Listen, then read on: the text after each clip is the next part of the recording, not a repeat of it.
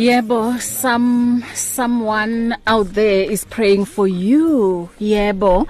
Uh kungenzeka ukuthi kwamanje awuzizwa kahle, kungenzeka ukuthi ubuthaka. Yazi ukuthi always there is someone out there praying for you. Big fish sipho makhabani. Eh singena naye kule sesigaba sokugcina njengoba selishayile elesine ihora. Ngiqale ke ngogugu lethu nkutha ethi open heaven. Gift receiveth, and he that seeketh findeth, and to him that knocketh it shall. So siyaqhubeka ke ngediscussion yethu um kanye no um ubab Romeo kanye no Mam Faith Mabasa eh siyayigoqa le ndaba njengoba sikhuluma Yeah. nge relationship framework Yebo. Hey Mam Mabasa Yes, sis. awazi wena ukuthi last week bekushisa kanjani uyabona makukhulunywa ngendaba yemali Yebo. Hayi, ukhulume Hey into ngithintenye phela manje. So- Ngithinta indaba enkulu. Hey besithinta indaba enkulu last week Ehhe. amachankura Futhi yasathi no mama ukuthi njani. Maybe it was a good thing ukuthi I wasn't here. Bese ngesiqede. bengeke siqede yes kodwa i'm happy ukuthi um, most yezinto ezi important sikwazile ukuthi eh sikhavara ngithi baba mabasa Yeah, no ngempela I think we we we we, we did. But you know, in a way our conversations are more master classy, you know. yeah Um to try and get everything in 1 hour it's Yeah. it's, it's not mm. it's not always easy. Yes. Because remember we we kind of like really borderline between talking about Yeah. uh, those who want to get into relationships. Mm-hmm. But you know, I'm sure someone who's been married for years are sitting there and thinking, what Yeah. about me? yeah ngihleli na- nangu lo muntu usagcoka ama napkin mara ngi- ngina 20 years ngimshadile yeah so ngiyenzani kule simo because this person just is terrible with money. Yeah. They are terrible they're controlled by friends or family. Yeah. you know they are just all over but nowhere yeah. And uh, you know how do you help a couple like that? Yeah. and all all we can say is look we are happy to come and facilitate conversations wherever you are. As a Yes. family invite us invite a couple of uh other Other couples, couples, will sit down and have this conversation because you need to understand here we have to play music Yes. we have to do adverts so Yes. that's why it's so difficult to really get a good point across but Yeah. if we can have a good 4 5 hour sessions mm-hmm. and we sit down and break each relationship framework apart mm. and remember what i was saying it's difficult to love or to build when you don't have structure what is your mm. structure what does your marriage stand for Yeah. Mm. when you got married what did you agree that you were going to do to make your marriage work Yeah. And today you're having these problems you have nothing to refer to Yeah. you have no sense of direction because there is no structure there's no framework there's no foundation mm. so it's very important to really really look at those things yeah Yes, but anyway, today, uh, as uh, our esteemed host was saying, mm. siyayivala namhlanje. So we're going to try and wrap up and summarize mm-hmm. uh, what makes the fabric or the DNA of the relationship framework. Mm-hmm. And perhaps you've been married for years. Perhaps we'll also recommend that base a conversation yenu on the relationship framework because when something is wrong, mm. you will find that a particular uh, uh, uh, uh, piece of the framework is broken yeah and someone is not happy there. Yeah. But because you don't have structure, mm-hmm. you don't know how to address it. Mm-hmm. And secondly, create a conducive and excuse me, and a healthy environment mm. in order for you to be able to sit down and saying we need to talk. And Yeah. it sh- you know this we need to talk shouldn't be a scary Should thing. be a scary one. Yeah. So when you have a frame, when you have a framework and you have a healthy environment, when your partner says we need to talk, you need to you need to be excited. Yeah. Not say singenzeni. Yeah. yes. Noma swela lubhekele ukuthukiwe. mara sisifethu angithi uyazi ukuthi leyo kakhulukazi abobaba mothi we need to talk, Talk yes. seka yazini ingqondo yakhe seyigcwele yonke indawo Ikude sisethekwini sese la egoli. mina ngiyithanda kabi she knows i like it yeah eh We me need futhi to ngizothi talk. eh Yeah. ikhona into esifanele silungise la Shintsha ngisho ebusweni. yeah we need to fix something it's very Yeah. important you need to be direct Yeah. you because you see when you spend the duration of your marriage loving each other when you have to solve things it becomes easier but if you spend the duration of your marriage hurting each other Yeah. and you know your partner has never heard you saying you look good mm. i appreciate you doing this mm. you know i saw you doing that thank you mm. that's why it's so difficult to address anything Yeah. because Yeah. your partner's mind and their dna is full of your negativity Yeah. Mm. and then as a result the next time you come and saying let's talk they close down hayi in fact uye esibhedlele. Ifini kuma medical aid ayishem uzothola i medical aid yakho. Lokune claim. ama MSA yaphelile ba Eh. yeah. Um ngithe nje this week mhlambe umuntu aka maybe u, first time elalela namhlanje then siloku sikhuluma nge relationship framework akana idea ukuthi sikhuluma ngani. So ngathi okay um uma si si wrap up again namhlanje mhlambe sithathe u isikhathi manje sithi sithi 23 after 4 mhlambe sithathe u 15 minutes and then siwathathe nga 11 um um lama yina ngithi ama issues or ngithi yini. Um joba ke kule framework ngaphakathi yimi you. Yes. yes. And then um asiqale ke ngale you, um you know what i suggest? Yeah. Uh, why don't you post it on on uh, quickly if you can post it on social media? Yeah and then Tina in the meantime uh, and, and and sorry to do this so that Yeah. yeah put it put it if you have a picture just put it up because I think it's easier mm-hmm. for us to then talk about something that people can and on your site uh, love can you post it on mm-hmm. your social media like post it on Twitter post it on uh Instagram and mm. then you can give you can give people that so that they can download it mm. and then we talk we talk to it by Peggy level Okay. but we'll Okay. try and summarize it because we need to finish by 4 Yeah. yeah we'll try and summarize Yeah. it so in the meantime let's give uh you guys to post it and then maybe play an ad play a song whatever and then i want everybody to have mm. it while we talk and they must also send us comments uh, you can tell us what the the comment line is and then they must tell us that we found it and then we speak to it and because this is the last day we need to make sure that you mm. understand this thing or i- enye into simple if ungaye page leka bahle enhlapo and scroll uh, ku uh, uh, ku ku my post ya last week because ngiyipostile last week. If you can just scroll down um go le post ya last week uzoyibona i relationship framework esikhuluma ngayo. Even na ku Instagram it's there. Iya e page leka bahle.nhlapo uh, ma- but ba bamabaza Yebo. mina what I- what i know ukuthi ama abalaleli enginabo kulolu hlelo. Akusibantu be social media. Hey. Abantu ukuthi kwamanje balalela fanele sibathumele yona nge nge fax.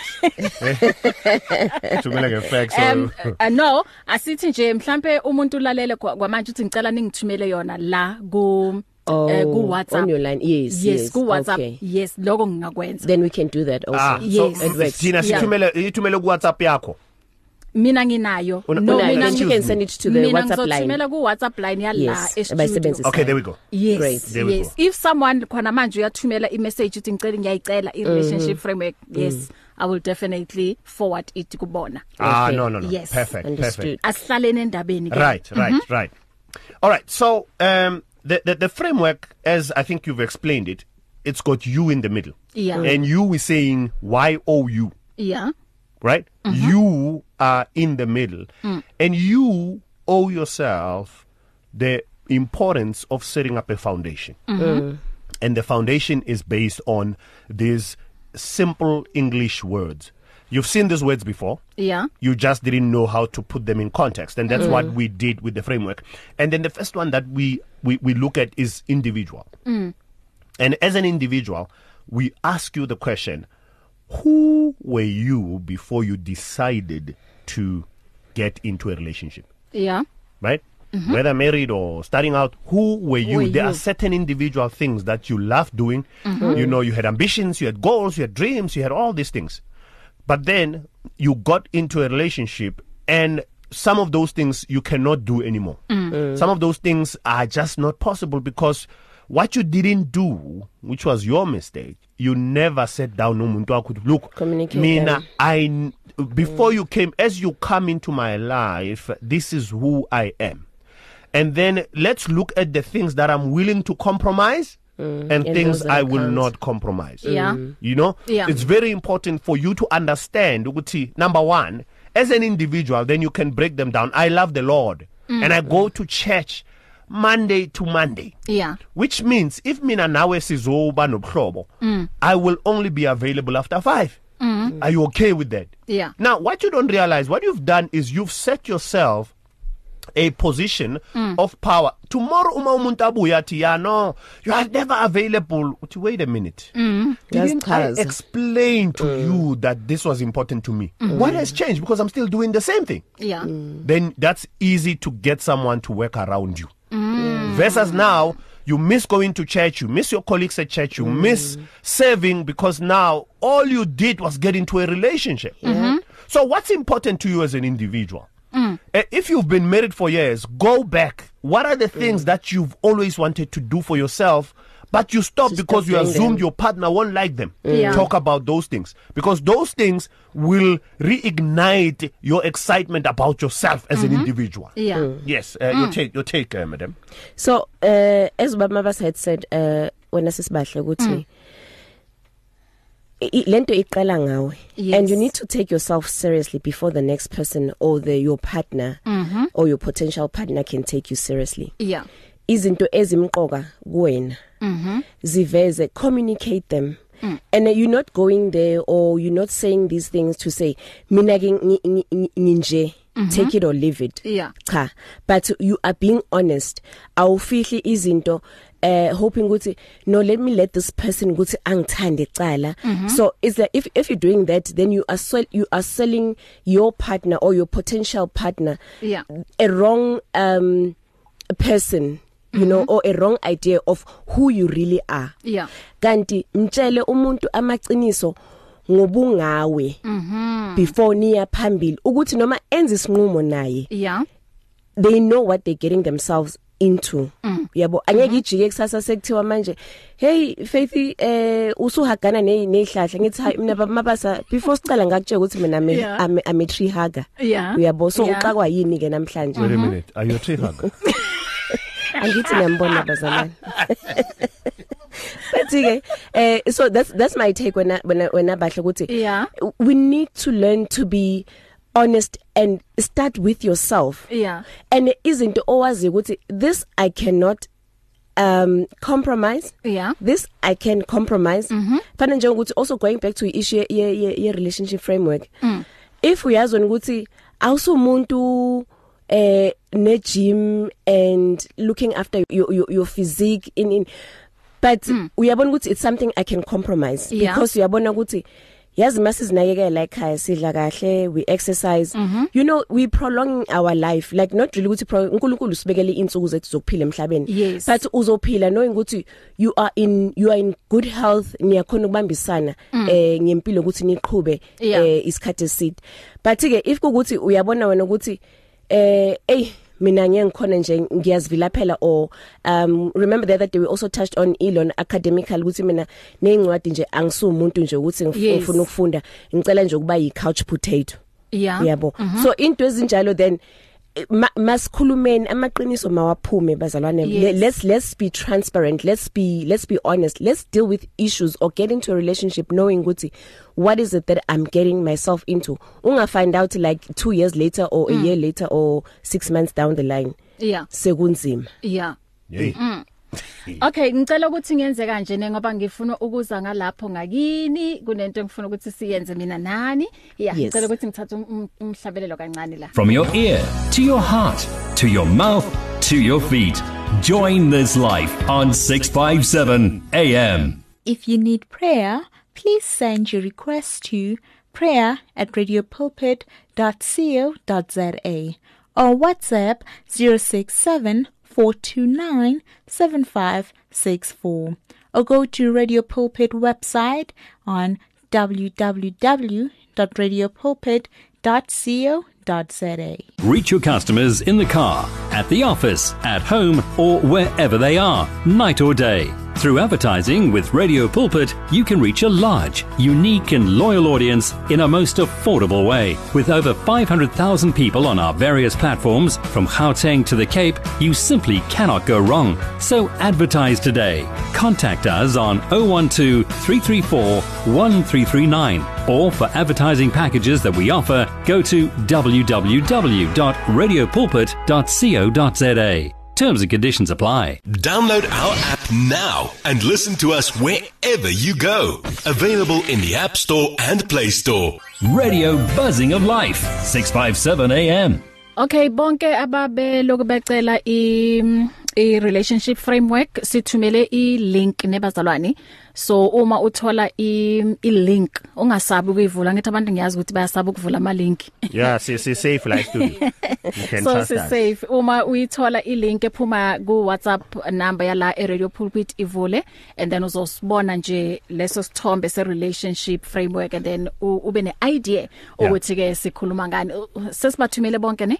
Yeah I, th I think yeah. So Yeah. we had Semi and Ntombi yeah. and uh I think um, yeah. Yeah and Margaret His mom also Margaret. yeah mom chawekazi Yeah, and um, yeah, Chawegazi. I think we let's just quickly send to Chawegazi, Okay. and then just mm, just open the link, and then we can. You should be able to see it. yeah yeah Um, and uh, yeah, you you you don't necessarily have to do anything else. Just open the link, The and then you link. can copy the picture, yes or just cut the picture and then you save it as a picture. okay Excellent. hey yabona isikhathi sesiyagijima nathi asigijimeni ke all right so all right Yeah. so so yeah so what we want to do is then try and say for example what are those things that are important to you as an mm-hmm. individual and what Yeah. are those things that you are you are going you wish to continue even if you say uh, uh, you know you're in a relationship or you are married Yeah, right yeah. and then you talk about those things and allow the partner to also talk because you want to see ukuthi unclash yeah and then from there then you immediately get into the issue of spirituality to say mm. what is your relationship with God Yeah. you know what I, what is your take on serving in the house of God because what you what you don't realize when you find that someone is so passionate about serving God mm. it's not going to be difficult for them to serve you Yeah. Yeah. or it's not going to So be difficult to serve one another mm-hmm. because if you can serve strangers at church you call brothers and sisters Yeah. what about someone that you love Uh-huh. okay and then we move to the next one um and the next one is uh, let me just quickly uh, get it that will be physical ne? Yeah. and physical stability looks at the issues of good health mm-hmm. are you comfortable that you can go on your checker nenze ama annual checkups number Yeah. 1 mm-hmm. the issue of some some some people also like going to the gym Yeah. it's physical angithi mm-hmm. some people like uh, going for for for uh, eating healthy. How do you feel wena? Mhlawumbe uzifunela ipapa 7 days a week and umuntu wakudla ama lettuce. Manje usebenza njani? Yeah. Eh, uyayibona so Yeah. that there must be a, a, a sort of you must meet each other halfway. Remember you are setting up a framework or you are setting up a structure in order for you to know if ningakwazi ukuhlalisana. Yes. So if someone comes and they expect you to ukuthi umphekele ipapa 7 days a week. Asikhulumi ngekuhlalisana efat and set Ah, no, no, no, no, uh, no, no, no, no, no. Uh, Wazalwane, not for ten said, please. Don't quote us out of context. We are talking about. Remember, you are still at the conversation level. Yes. So you want to see if you are compatible or nizozwana. yeah You understand? Mm-hmm. And then also for those of us who've been married for years and you still have the same problem. Yeah. You need to go back and saying you and I need a reset. Uh-huh. Because there are certain things engajabulanga ngazo. We've been together for 10 years but yazi ngale 10 years I thought I would stand it but mm. I can't. Mm. I need a compromise. Yeah. And then sihlale phansi sibheke. okay Yayibona? Yeah. And what I find is that also it does help when people have been together for long. Someone kind of like says, hey, you know what? I really mm. don't want to make your life difficult. Mm-hmm. Maybe let me listen to you. yeah You know, unless vela uyazi wena inhliziyo yakho ukuthi hayi you don't care anymore, you want things to end vela. Yeah. Then it's a different case. Mm-hmm. Okay? So um, uh, physically it's really the issue of, you know, um, are there any um, family sicknesses that I need to know about? Yeah. Mm-hmm. You know, are there any mhlambe, you know, the the, the issues of uh, uh, um, high blood pressure, Yes. you know, Shugela. cancerous, sugar, yes. Mm. And and and but HIV. also the importance yes, the importance of that is so that I know what I can I need to do for you in case Yeah. izinto azikho right. yes Yayibona? Yeah. Uh, uh, can you take the emotional one? Um so on emotional uh wena sesibahleyile ukuthi you know we need to we need to disclose and I know unfortunately with us abazalwane or maybe let me just not not say unfortunately we are we are learning mm-hmm. and we are getting better Yeah. ukuthi indaba za- za- za- za- zabo mental health yabo i- emotions mm, mm.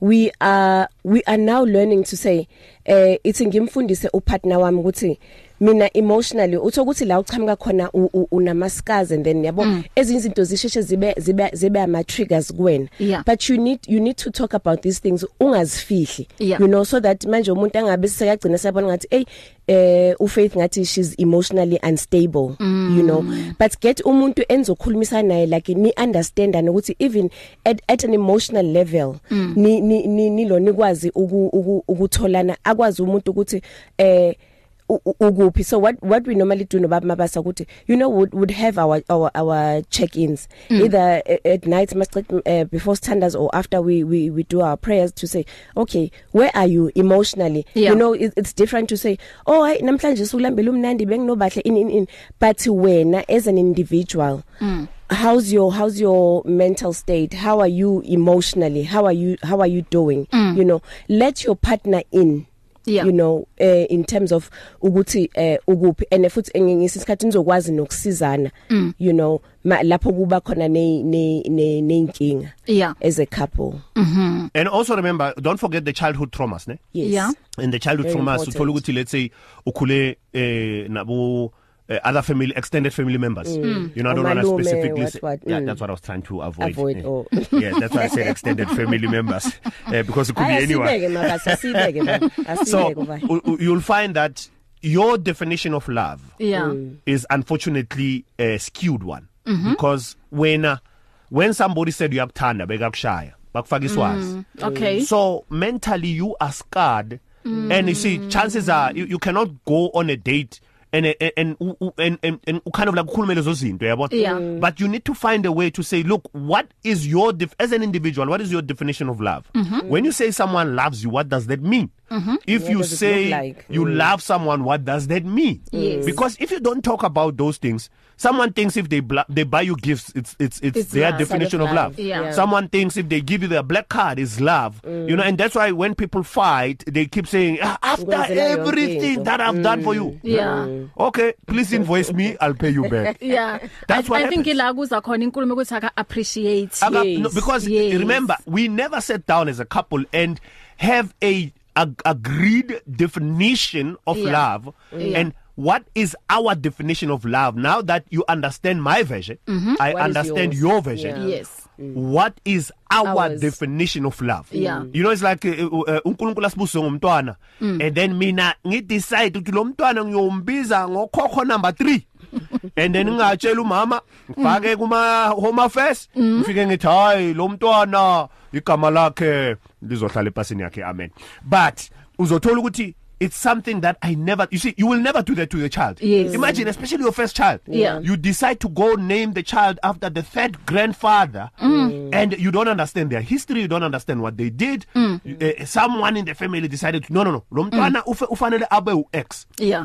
as a loving couple you'll never do that Yeah. why do you do that to the relation your, your marriage or uh, uh, potential relationship you impose your own ways of doing things mm. without consulting especially nyohlangana how is that going to work mm. imagine going on a date and someone starts talking about themselves how they're educated how they grew up like this and an hour later you realize they've actually never asked you anything about you Yeah. Mm. what does that been tell you them. Yeah. what does that tell you mm. okay so uh, are we moving to the next one i'm trying Yes, 15 minutes So besila ku emotionally ne? Okay. Uh, so- I, I love the way you, you the way you explained it. And I, I ngifuna ukudlula lapho.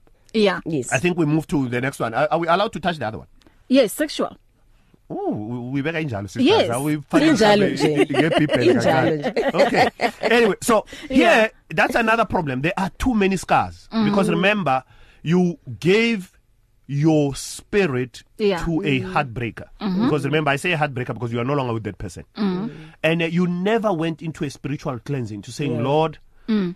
I've been with this person and I really really love them because I was naive Yeah. bengisasemncane and you know he was my first love or she was my first love and I gave mm. myself to them and you know God knows what this person did to you Yeah. Mm. and here is one psychological problem that we need to address mm. is the fact that it's easy when the new person comes and you say to them, "Oh, my ex was so terrible. Mm. You know, things didn't end well. Mm. I'll never take them back." Yeah. But That's here is something that will show you, will mm. shock you actually. Mm. Is that in your psychological or subconscious, mm. you are still sitting with all the good things Good they things. did for you. and you never All the them. emotional and the mm. mental beautiful things, the triggers that they left you with, mm. and you actually enjoyed them. Mm. But what are the chances zokuthi uzothi ayithi ngikutshela uyabona lo yabhuti ne bekangibamba, uma ngibamba Yeah. bekizwa igazi ligijima you are not going to disclose that no Yeah. but then the sad thing because you don't want to face yourself mm-hmm. you sit with them and that's mm-hmm. why you end up missing an ex mm. when the, the the the new one you, you are not yeah. happy Yeah. because you don't close spiritually the mm. good things that happened Oh. there's no relationship where it was all bad Okay. there must be something good that happened Yeah. but you never disclosed it Yeah. you never admitted it to yourself you just keep hiding it mm. and then i, i, your mind brings it and then you like ush ya lo yabhuti hayi beka beka ngiphethe kahle mara ngiyamzona oh kuz- kuzovela abomara mara Yes. yes, Yeah. and you think that's the way you are dealing with it yeah remember you cannot cheat yourself. Mm. you cannot fool yourself. Yeah. and you cannot fully go and commit into a new relationship when you still miss the good that you get you got at the back. And that's why that's why all of us whether we admit it or, or Mm. not uNkulunkulu uyasho ukuthi hey ningahambi ninikana Yes. imizimba yenu Yeah. before you get married Yeah. because you get exposed to things. And because sex is very spiritual abantu they say certain things over your life. Yeah. and that's why people come and saying yeah you will never love anybody after me. Yeah. and you realize you it's so tough because yini. lo muntu ukhulumile because they had access to your spirit. So it's very important for you to denounce all the good because the bad you've denounced. Yeah. Mm. the good you've declared. The good you've already exposed by telling the current partner uthi yeah no no no I was not happy ngalo bhuti or usis Yeah. but the good that this person did to you still haunts you to date. Yeah. denounce it. Sure. Yeah. But Yeah. also Um, na- eh sisibahle sorry uku- ukungena emlomeni le ukuthi angithi nje ubheka ku relationship relationship framework ukuthi in the middle ubani?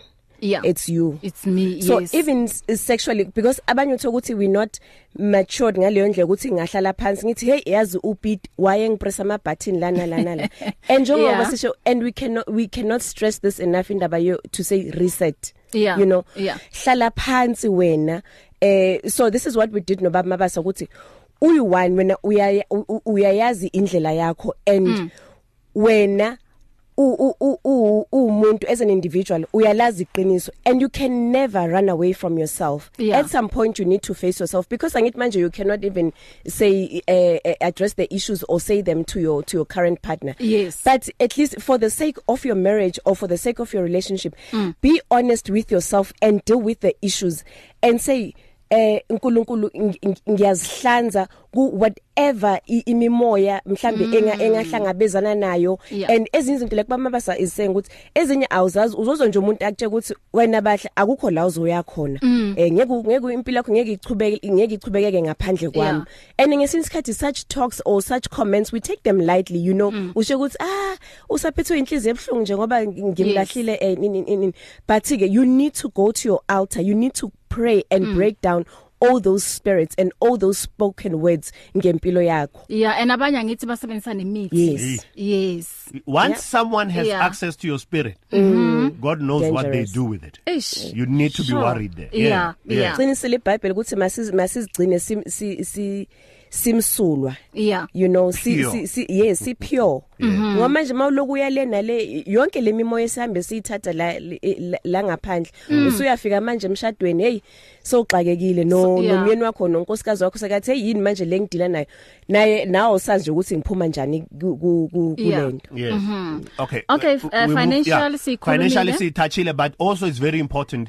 If you are working as an individual before mm. you you met uh, your partner you were doing certain projects mm. you were going to school you were paying off debt you were doing certain things mm. and then the relationship started and you realize 6 months later that you stopped taking care of your financial obligations because Yeah. your partner keeps asking for money mm-hmm. they keep yena imotimoshekile eh there's a problem there's a mm. funeral ngoleko zoyithola and akabuyisi akathembakala you need to hold each other accountable if i borrow you money bring it back Yeah. unga suddenly so wena uphe- uphethwe bathi now suddenly now Amnesia. yeah uphethwe amnesia uthi hawo and then uma senizocabana thi kanti siyathandana musu inkinga yipi imali yakho imali yakho, how convenient Eh. if you borrow money you need to return it Yes. it's very important because Yeah. how is your partner going to continue Yeah. and make progress when all you do you just sink them in debt you can't mm-hmm. and the bible also refuses that Yeah. ukuthi don't guarantee anybody's debt because Yes. the bed you sleep in will also be snatched Yeah. right Ngithi mina ngiyakhokha back never mabasa amen yes as i was saying I am cock up. I no no you do you do you do because that's Amen. why you know and and and I think the most important thing is uzothola ukuthi angithi we all sinama budget Yes. uzothola ukuthi mina I have the last 50 and this 50 if I in push until payday Yes. and then if you come and say leya 50 maizela mm. and then you need to be able to have room to say no no no I can't give you this 50 because Yeah. ifanele uyothela petrol Yeah. now wena lento ukuthi uhlala you are always financially inconvenienced in the name of love that's Yeah. that's that's not right wrong it's It's- not it's godly not. it's irresponsible Yes. We- you need to stick to your if you say 50 rand must last me until month end mm. How is it not lasting you until month end and mm. then you want to say hi ne ngonile ume-" remember there'll always be financial problems Yes. Yeah. there'll always be a family member a friend a colleague who doesn't who needs money Yeah. but you need to learn to ground your financial discipline mm-hmm. that's very important Wow. okay uh, the next one is academic mm-hmm. as you were saying perhaps uh, you know we sit down and say you know what our views ngeskolo ufike phi ngeskolo umuntu i mean angina matric angina matric at least i have a bachelor's i have a certificate this is what i'm doing mm. and also we don't judge each other based on that because yes. our backgrounds might be different Yes. but the most important thing is what is your ambition mm. what are you passionate about mm. what are you going to do to improve the quality of your life don't mm-hmm. let's not talk about me Mm. What are you going to do to improve the quality of your life mm-hmm. so that we can see how we help each other? Yeah. That's very important. And I, I'll, I'll just leave it there. And then uh, the next one is really looking at uh, social. Um, as we meet, I've got friends, mm-hmm. you know, and these friends have carried me through tough times. Mm. And then when you come and, and, and say to me, I don't like your friends, Yeah. you don't know how deep this thing cuts. Mm. So you need to sit down and find a way and say, look, when before I met you, I used to hook up with my friends every mm-hmm. weekend. Mm-hmm. But now that you are in my life, maybe let's say I will introduce you to my friends, but they will know that you know what I want to build something with you, and then maybe I will not be available. I usually am available for eight hours to them. I'll be I'll be available for four. So Yeah. that the four goes. You see, so you must sit down and negotiate. You don't come into somebody's life and bulldoze what was Your important to them and you mess up their God given will in the name of love. We don't love each other to destroy each other. We don't love each other to manipulate each other's wills. We love each other to build together. That's very, very important. Wow. Yes. Um, Uh, cultural. Cultural, it's really now, remember, mm-hmm. uh, the generational gaps uh, is one thing that is also very, very something to note. Uzothola ukuthi, let's say some of us, uh, we are, you are at a certain age and you find that your father is old school, your parents are old school. Mm. And the generational gap is either something like 30 or 40 years. Yeah. So your parents are still, you know, doing things the old way. Mm. And your parents, maybe some of us are not comfortable to come and saying, hey, Mzali, I'm ready to date. Or Mzali, I'm ready to marry. And then, you know, some of our parents will come and say, yeah, no, no, I don't like this person. Angithandi ngendlela ngibuka ngakhona. Eh, bengicabanga ukuthi uyahlahlushada umntwana ka- uSusan. or Eh. umntwana kaMakhi ukhule kahle siyamazi. Eh. And you know, you have to address those things to saying what type of parents are yours. You know, and how would they feel because mina I dress like this. Yeah. You know, I dress uh, I love my mini skirts, I love you know uhamba uhamba ngamavesti, I love gqoka amashoti as a guy and then would they have a problem if you came Yeah. and introduced me ngqoka ivest? You know, uh, will they have a problem if ngiza ngama flops? Yeah. You know, mhlambe ngifane ngqoka isuit uma ngizakini ibe formal. You have to discuss those things because then that's when you find that a lot of families when there's a funeral I mean not a funeral I beg your pardon if there's a you have to plan a wedding then all those problems you never spoke about culture kicks in and then suddenly they have a problem with this they have a problem with that and that's why you uh, people end up uh, postponing uh, or deciding to cancel because you never Mm. sat down and spoke about the importance of what your your, your you know what's the cultural influence on your union with both your parents. You see what i'm saying? Mm-hmm. and then uh, uh, final thing is it mentality? Uh, mentality is really uh, looking at your triggers. Okay. you know we can interchangeably use it with uh, emotion Emotional. but triggers remember you are leaving a man or a woman for another isn't it you are not going to be dating And a cat anytime versa. soon Yeah. or dating a dog or dating a, a you know mhlambe you are bold you go to date, date a lion you know you are going to date another same person like a woman or a man, A man. and it's important for you to then check what triggers did you receive from previous relationships? Because this man or this woman is going to say something that triggers something that a former said. And for example you never simulated it and then suddenly you start breaking plates and or mhlambe in the worst cases umshaya umuntu. And then now by the time you say you what have i done?